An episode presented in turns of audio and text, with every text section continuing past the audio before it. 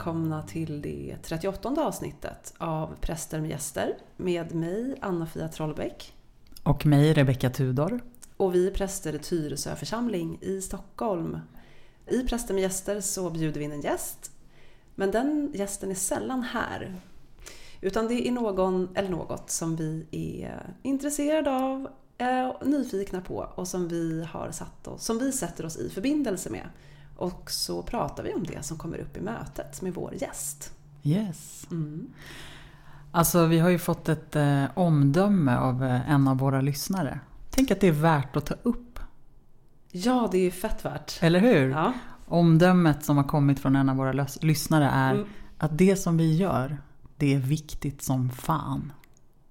Alltså det kan ju bli vår nya slogan. Präster med gäster, viktigt som fan.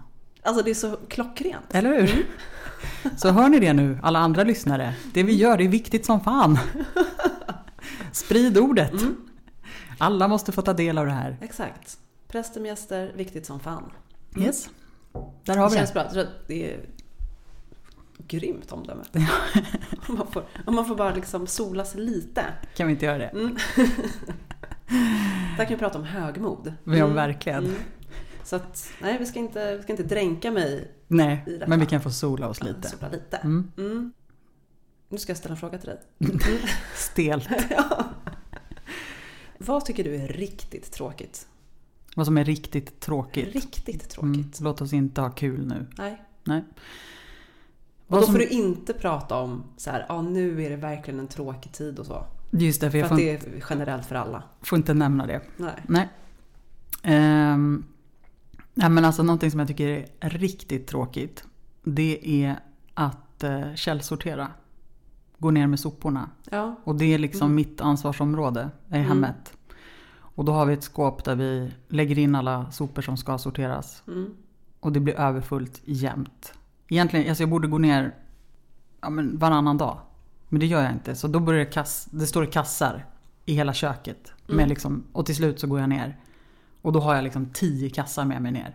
Och allt är bara huller om buller. Jag hatar det. Det är så tråkigt, så tråkigt, så tråkigt. Ja, du, ni blandar. Ja, men vi har inte plats att börja sortera uppe. Så jag får sortera Jaha. väl nere i liksom... Eh, vad heter det? Ja, men i soprummet då?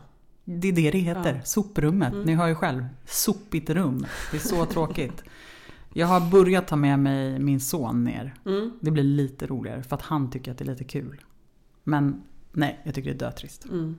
Vad tycker du är riktigt tråkigt Anna-Fia? Alltså riktigt tråkigt. Alltså jag har svårt för det här med tvätten. Mm. Och det tycker jag faktiskt är tråkigt. Tvätta? Ja, alltså tvätta. Eh, särskilt vardagstvätten. Mm. Alltså det är en sak, det är lätt att lägga in. Sen ska det tas ut, ska hängas upp Mm. Sen ska det torka, sen ska man vika ihop det och sen ska man lägga det i skåpet. Och när man har gjort det, då har man ju full... Massa nytvätt. Ja. Snark. Det är liksom hushållsarbetet. Ja. Det är det som är riktigt tråkigt. Men, ja. men ett, ett eh, liksom... Jag tycker ändå att man kan ju ändå förhöja de där stunderna med typ, i alla fall om man har lite egen tid. Alltså typ ha ett par hörlurar och lyssna på en podd som är jävligt viktig. Nej, men det måste jag göra. Jag har kommit på det med tvätten. Mm. Att jag måste lyssna på någonting. För då kan... Då... Eller hur? Då kan man ju göra nästan vad som helst om man har liksom något att lyssna på. Exakt. Ja, men, och, men länge tyckte jag också att det var stressigt att gå till tvättstugan med mm. att tvätta lakan och så. Jag blev alltid jättestressad av det. Typ för att det var så otroligt mycket tvätt. Mm. Och sen är jag uppväxt med att det ska manglas. Oj. Herregud, det tar sån jävla tid. Och du gör, men vadå uppväxt med? Du kan väl bara sluta med det om du inte tycker att det känns meningsfullt? Nej men det är ju meningsfullt. För att det är så skönt att lägga sig i nymanglade lakan. Ja, och så tar det faktiskt inte lika mycket plats i skåpen. Mhm. Okej. Okay. Du, du plattar ju till det. Jo, jo, jo. jo. jo, jo, jag fattar, jag fattar. Men framförallt för att det är så himla härligt att lägga sig i manglade lakan. Ja. ja nej, jag kan inte sluta med det. Nej, så, okay. Men det blir ju en grej också då. Mm. Att det blir så extra jobbigt. Nej, då fattar jag verkligen mm. att du tycker att det är jobbigt att tvätta. För nej, det gör inte jag. Men, men alltså det är mycket som är rätt trist i vardagen. Liksom. Alltså ja, typ men... vänta på bussen eller stå och vänta på... Eller mm, du vet, sånt tycker jag är tråkigt. Ja men det är tråkigt. Och det är någonting också med att... Ehm, för sen så har man andra grejer som man liksom står ut med. Alltså så här, du tycker det är tråkigt att sopsortera eller Mm. källsortera. Mm. Jag tycker det är tråkigt att tvätta. Andra tycker att det är så här, döden att liksom dammsuga. Just Det har inte jag några problem med. Nej. Men så det är klart att det finns ju som vissa saker som man bara, åh gud, det här är så tråkigt. Mm. Men och så bara, ah, det är någonting, det är bra med saker som är tråkiga. Just det. Jag vet. I know. kan inte vara kul jämt. Tänk på Alfons Åberg. Just det. Så tråkigt när julen är slut. Mm. Mm. Mm. Kan inte bara ha kul jämt, nej. Nej. Nej, men man får ändå rätt, säga att det är rätt så banala saker som vi nämner som tråkiga ändå. Alltså jag menar man kan precis. stå ut. Men vad tycker du är tråkigt på jobbet då? Vi har mest pratat om så här, och vad man uppskattar mest, vad man tycker är kul. Mm. Men alltså, är det någonting som du tycker är... Som du vågar erkänna? Ja, alltså det som kommer så först upp det är så här som jag tänker. Det är så här att man skulle säga då jag tycker det är tråkigt med möten. Mm. Eh, Men jag tycker inte alltid att det är tråkigt med möten faktiskt. Jag kan tycka att det är ganska uppfriskande att, att sitta i möten. Mm. Nu måste jag nämna tiden vi lever i. Mm. För det gör att möten blir tråkigare. När vi sitter framför skärmar och inte möts fysiskt. Mm. För det är det fysiska mötet som betyder någonting.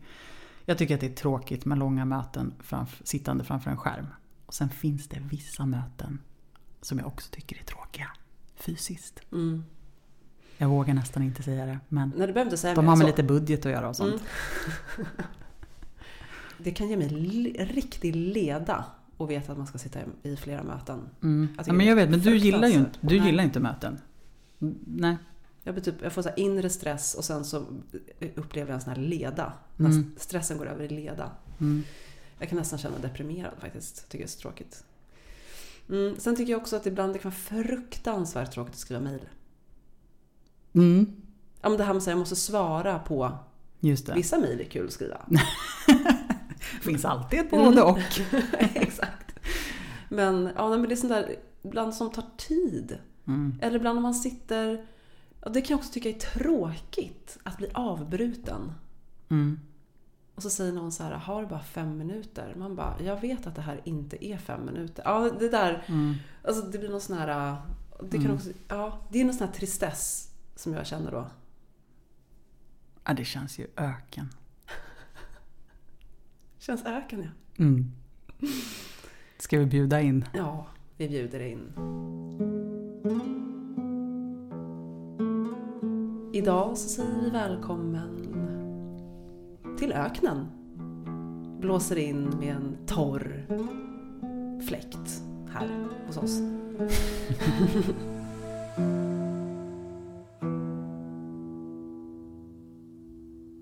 Öknen är ett ödeland.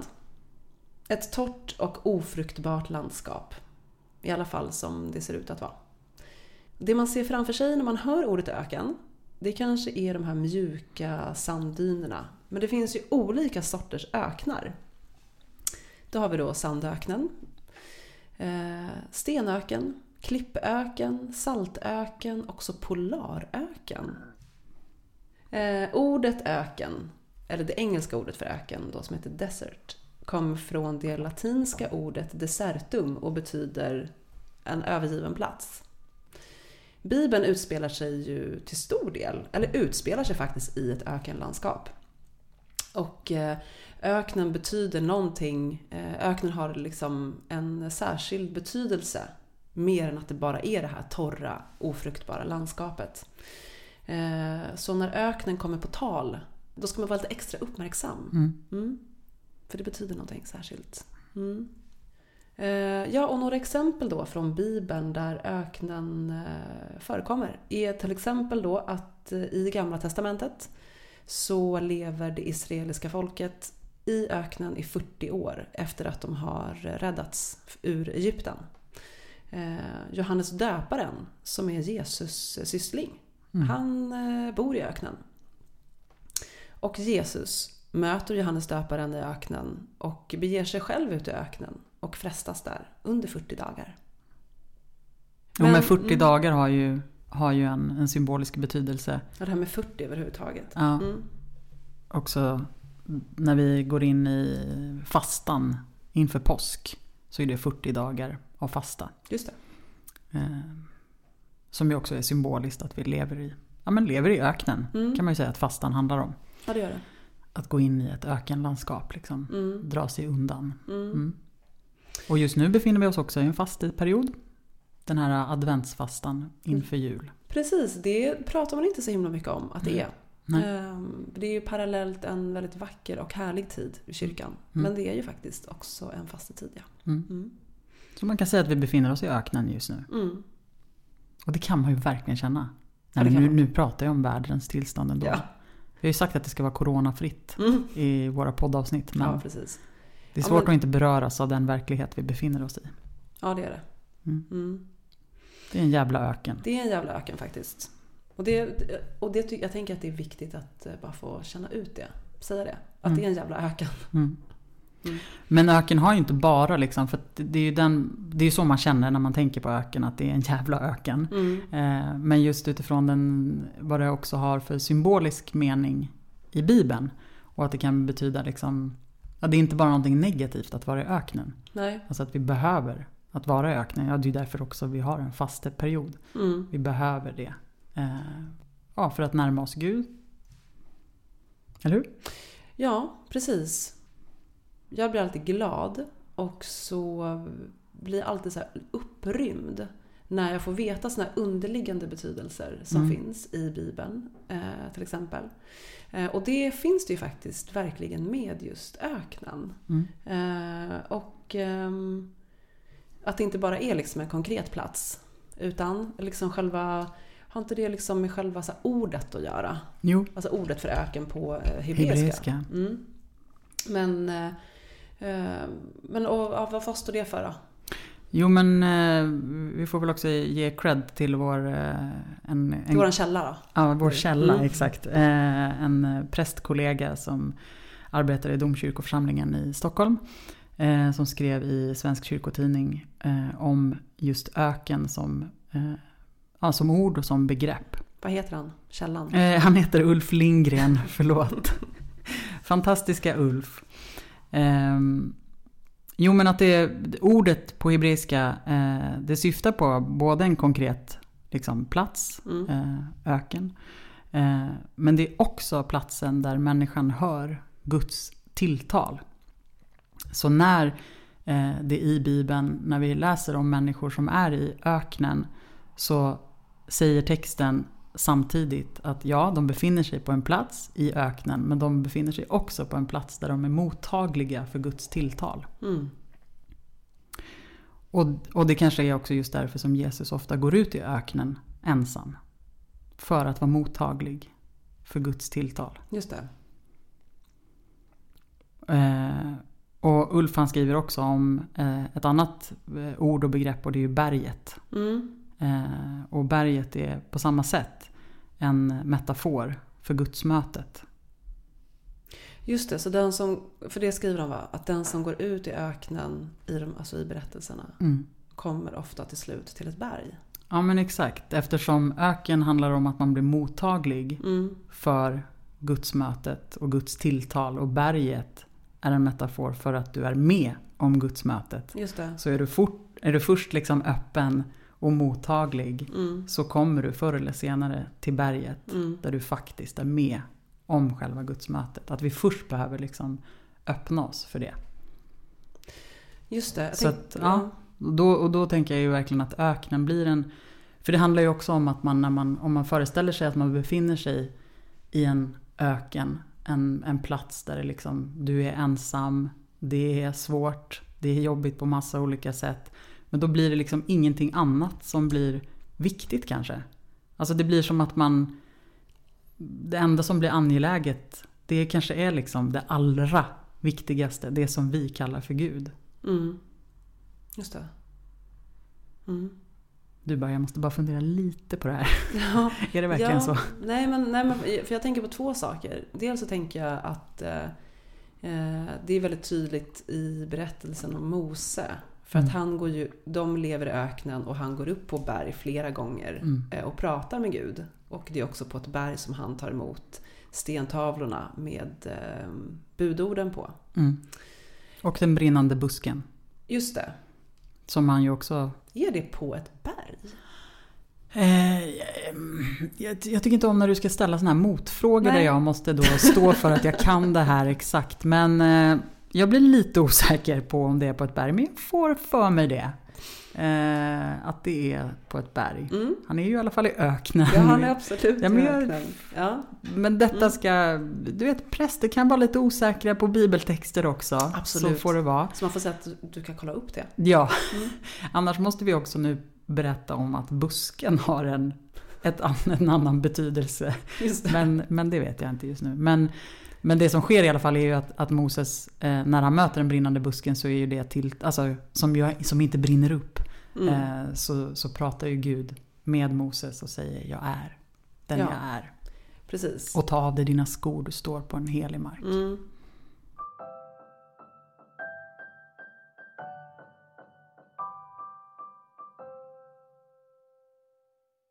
Eh, Men sen en annan sak som jag kommer att tänka på nu Mhm. är ju att ehm, Hagar, Mm.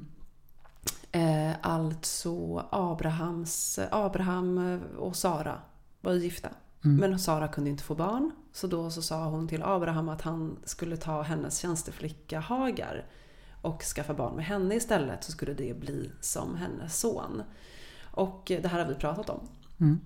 i avsnittet om Sara och Hagar. Men och det som händer är ju typ att när Hagar blir gravid så tycker, blir Sara sur på henne för hon tycker att hon börjar bete sig högfärdigt. Och så skickar hon ju iväg Hagar Mm. ut i Ut i öknen. De bor ju redan i öknen men hon Mm. skickar liksom iväg henne. Mm. Eh, och det tänker jag så här, det var ju typ extremt farligt att göra så. Eh, och eh, eh, så att Hagar liksom ger sig iväg men hon kommer inte upp på ett berg. Däremot så kommer hon ju till en vattenkälla. Just det. Mm. Så, ja men visst. Så hon möter ju Gud. Mm. Hon, alltså, jag tänker bara att det är spännande så här, ja, gudsmötet sker på berget. Men vad betyder det typ när det är vid en källa? Mm. Vad tänker du? Vad får du upp för liksom? Jag tänker att det är mycket mer än ett möte. Alltså det källan, alltså vattnet är ju liv. Mm. Liksom. Så det är typ, eh, ja.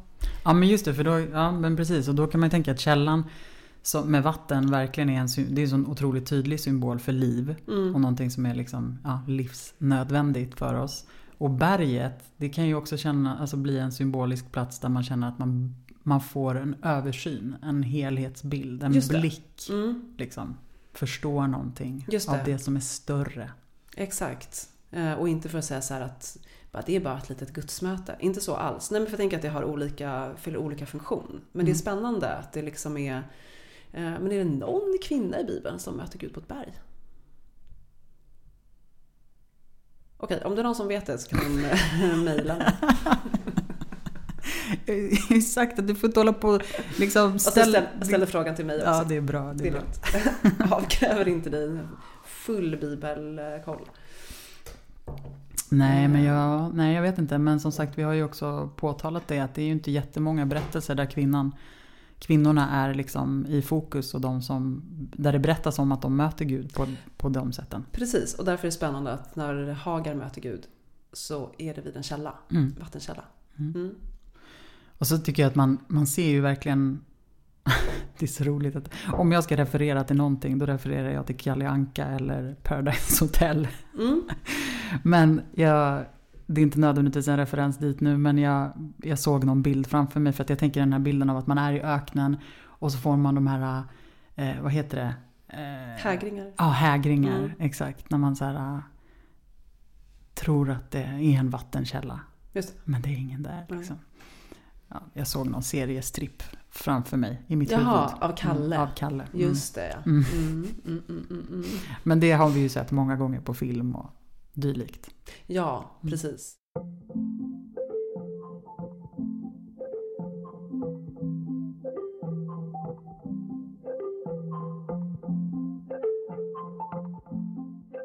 Öknen är ju också så här, det är avsaknad av eh, allt det som vi behöver för att kunna leva. Det finns liksom inte där. Mm. Grundbehoven kan inte uppfyllas i öknen. Mm. Så om du är i öknen så är det som att den här liksom längtan blir så stark. Alltså att man verkligen, det är också det att eh, behovet av liksom vatten eller skugga eller svalka, alltså det blir så starkt så att vi börjar hallucinera. Mm. Så att det liksom finns en, så här, det hänger ihop med typ vår, vår längtan och våra behov, att det liksom händer. Mm. Um, Ja men man kan ju också förstå, jag tänker på berättelsen om eh, när Jesus är i öknen i 40 dagar och frestas av djävulen. mm, Att man också kan liksom verkligen föreställa sig hur det Alltså hur man skulle bli galen. Liksom.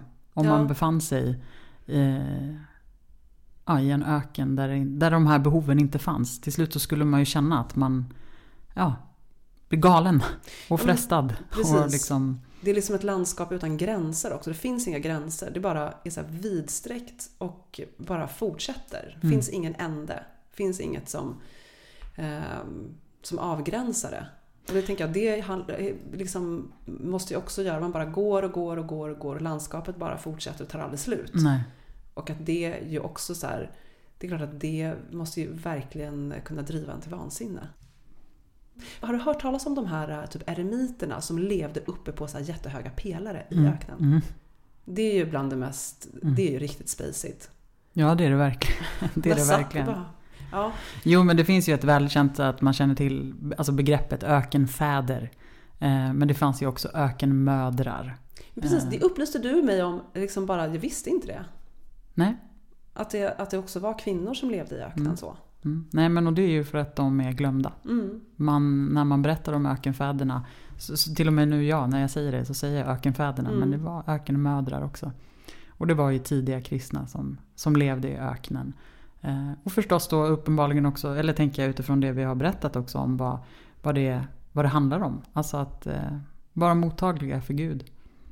Ja, precis. Alltså att eh, dra sig undan det världsliga. Mm.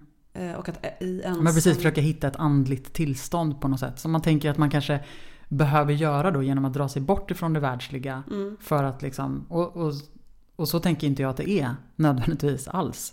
Jag tänker att ja, det finns de som har den kallelsen liksom, och som Mm. kanske behöver vittna om liksom, Gud på det sättet. Det. Men jag, menar, jag tänker att det är super, för dig och mig självklart att det, att det heliga och gudsmötet också sker i det vardagliga.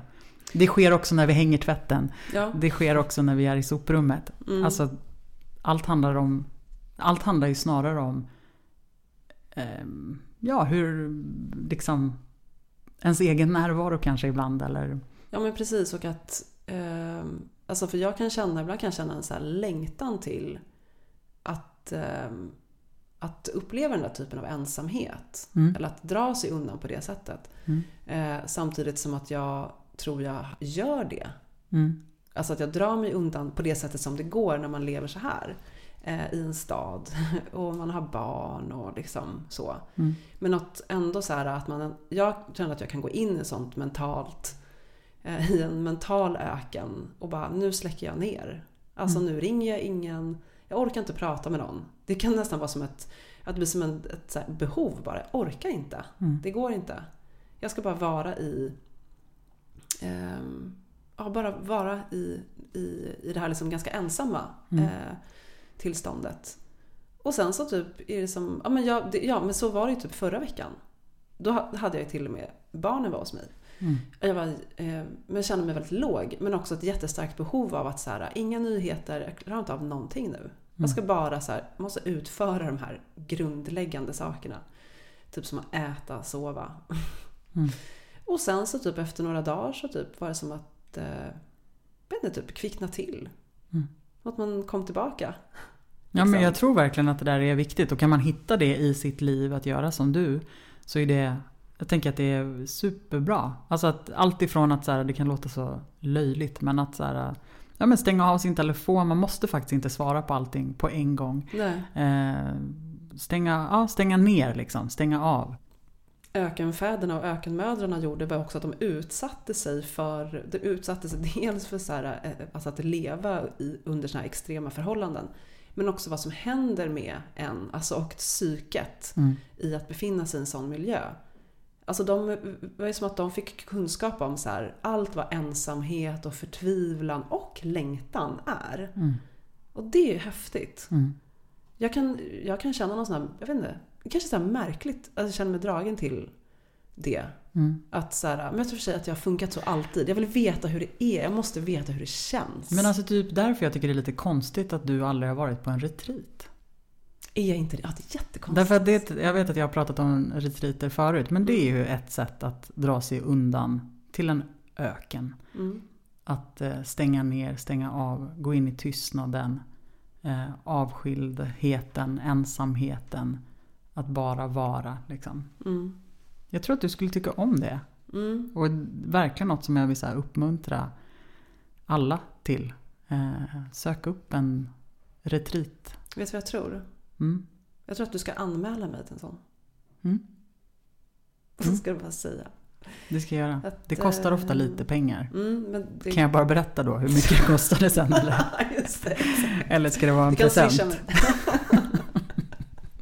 Körde en sån här superlyxig retreat. Det kostar bara... Exakt. Nej, nej, nej, nej. Det ska inte vara en lyxig retreat. Retreat ska handla om enkelhet. Mm. Gärna god mat. Det är det ofta faktiskt. Mm. Ofta väldigt vackert. Ja. Mm. ja, men... ja, Nej, men det ska jag göra. Mm. Absolut.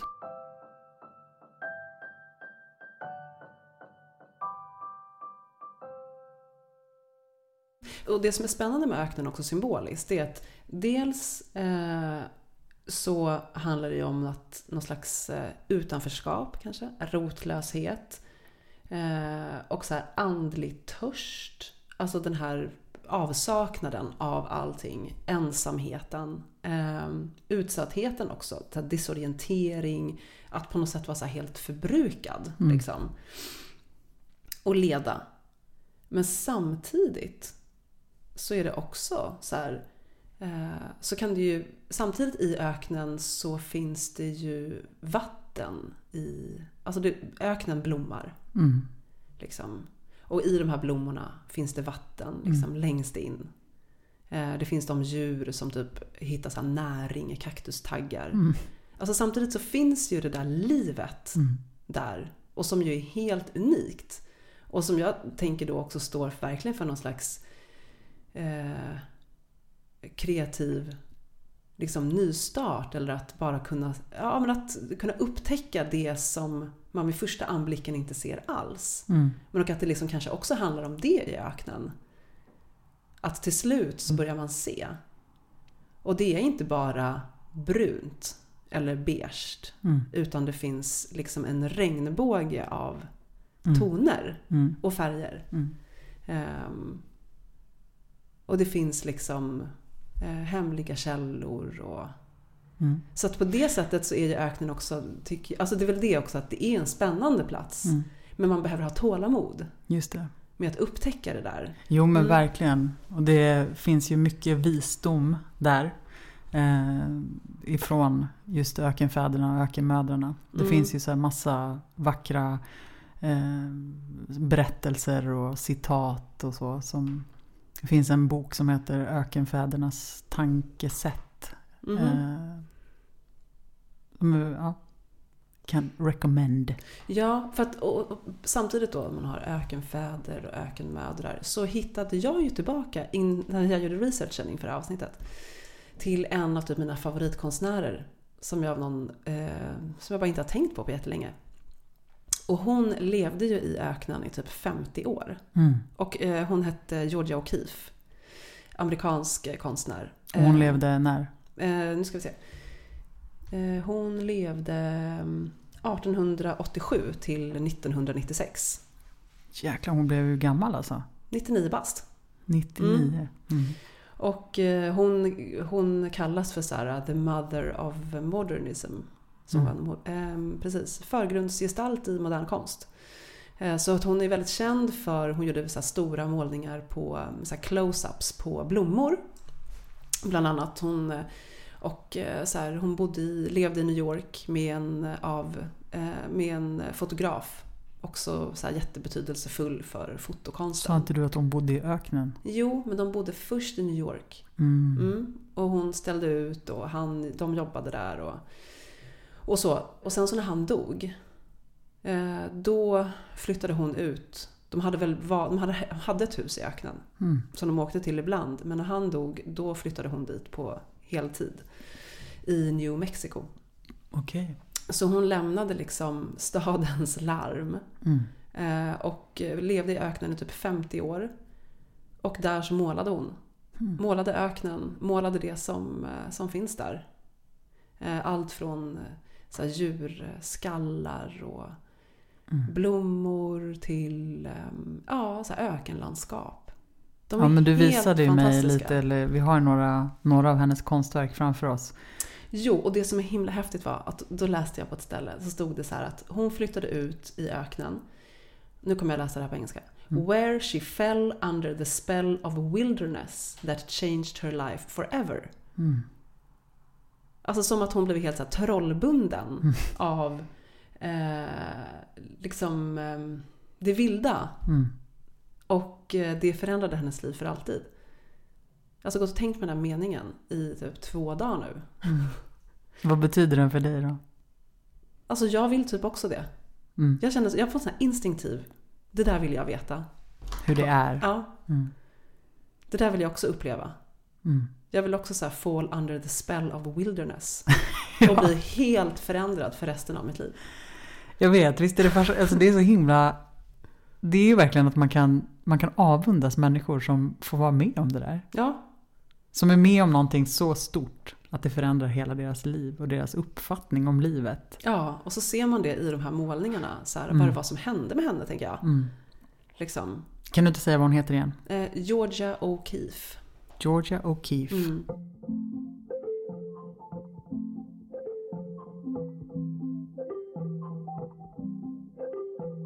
Har du, bokstavligt talat nu alltså, har du Mm. varit i en öken någon gång?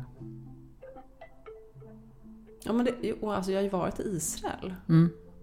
Så då har jag varit där. Mm. Ehm, jag var vid Döda havet. Ja men exakt, jag har Mm. också varit där. Mm. Jag tror den heter Masada-öknen. Ja, precis. Mm. Och uppe på Masada också. Mm. Mm, som är ett gammalt eh, fort som ligger på, högst upp på ett berg. Mm. Mer symboliskt då? Får jag fråga det? Om jag varit i öknen eh, i mitt liv? Ja. Ja, gud ja. Mm. Ja, verkligen. Alltså jag skulle säga så här att um, de senaste två åren har jag typ varit i en öken. Och det har både varit ehm, skönt och sen så till slut så bara, jag står, förlåt att jag kommer svära nu, men jag står fan inte ut Mm. med det här ökenlivet. Ehm, jag kunde liksom, det var verkligen som att så här, dra sig undan först. Mm. Eller jag behövde det liksom. Eh, Eller det var bara så det blev. Det, fanns, det var liksom bara öknen som låg framför mig. Mm. Eh, och eh, sen så började det typ tära, liksom, den där ensamheten. Och avskildheten. Mm. Och till slut var det som att jag inte kunde se jag kunde liksom inte se det där som jag, alltså de där så här hemliga källorna som jag kanske ändå hade hittat under ganska lång tid emellanåt. Och ändå varit så här, det är okej att allting är så här liksom torrt och eh, typ det finns ingen näring, det finns ingenting. Men eh, till slut bara stod jag inte ut längre. Bara, nu måste, till slut måste jag komma fram Mm. till något annat. Den öknen måste ta slut nu. Och då gjorde den faktiskt det. Till slut. Mm. Men ehm, Och upplevde du det då som att du kom upp på ett berg? faktiskt, faktum är, Mm. jag har inte tänkt på den här perioden, men alltså när jag tänker tillbaka nu så är Mm. det självklart att det, var, att det är öknen som jag befunnit mig i under lång tid. Men då i våras när det vände, Mm. då såg jag faktiskt i mitt inre, så såg jag det som att jag stod och tittade ut över ett landskap Mm. som var grönt. Mm. Och att så här, jag har ingen karta och ingen kompass. Mm. Men eh, det är Men jag lugnt. ser typ liv. Mm. Mm.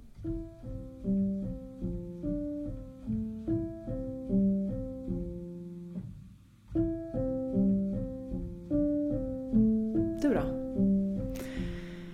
Ja, alltså jag tänker också att eh, vi alla går igenom ökenperioder, liksom. Faser i livet och de kan vara liksom mer eller mindre.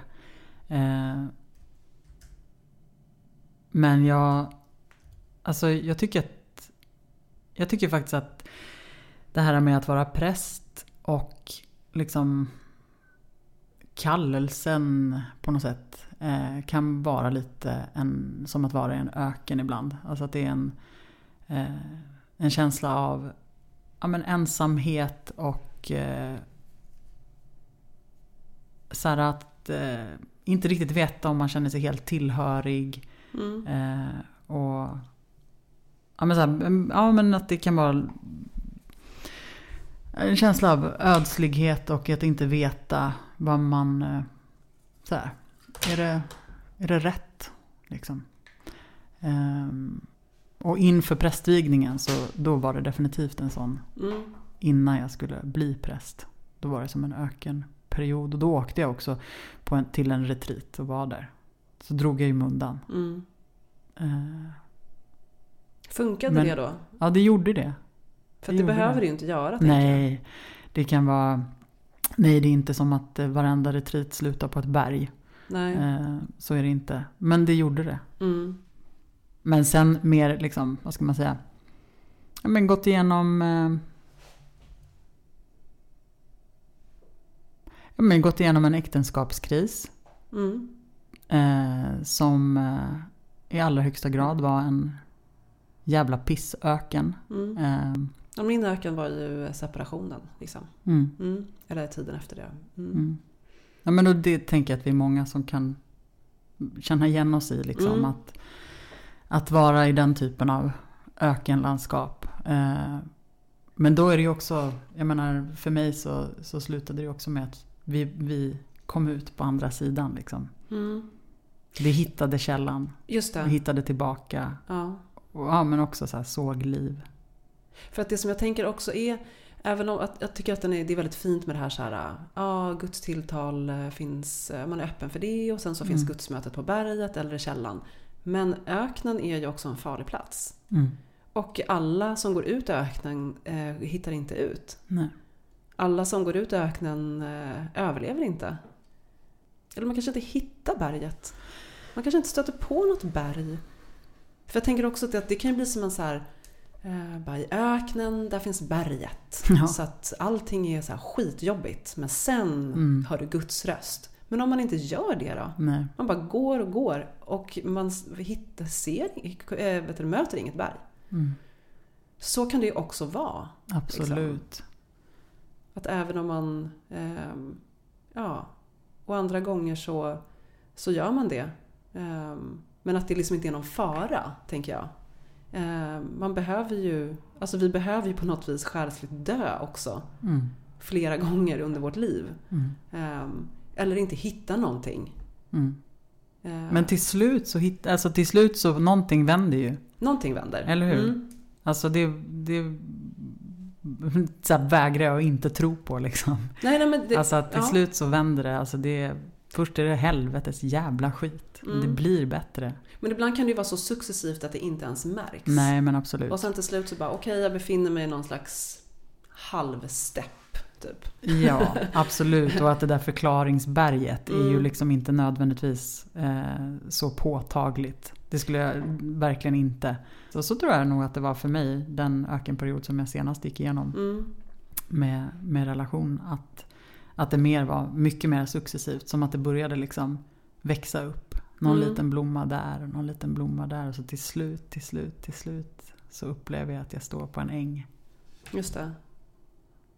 Ja men det är ju häftigt. Jag tror jag sprang till slut. Mm. För att komma ut. Mm. Jag bara, nu får det banne mig vara över alltså. Mm. nu kutar jag tills jag stupar. Och när jag gör det, då är jag framme. Mm. Då är det grönt. då ska det vara grönt. Då ska det finnas eh, vatten där. Mm, och liv. Mm.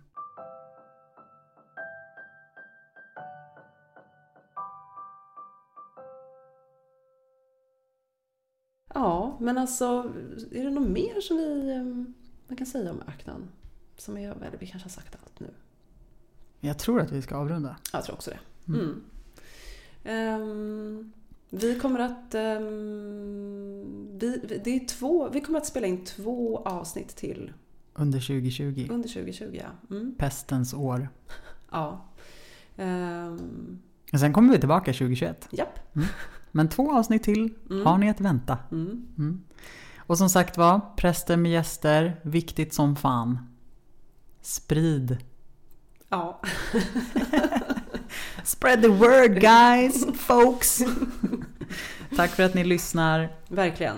Tusen. Mm. Hej då. Hej då!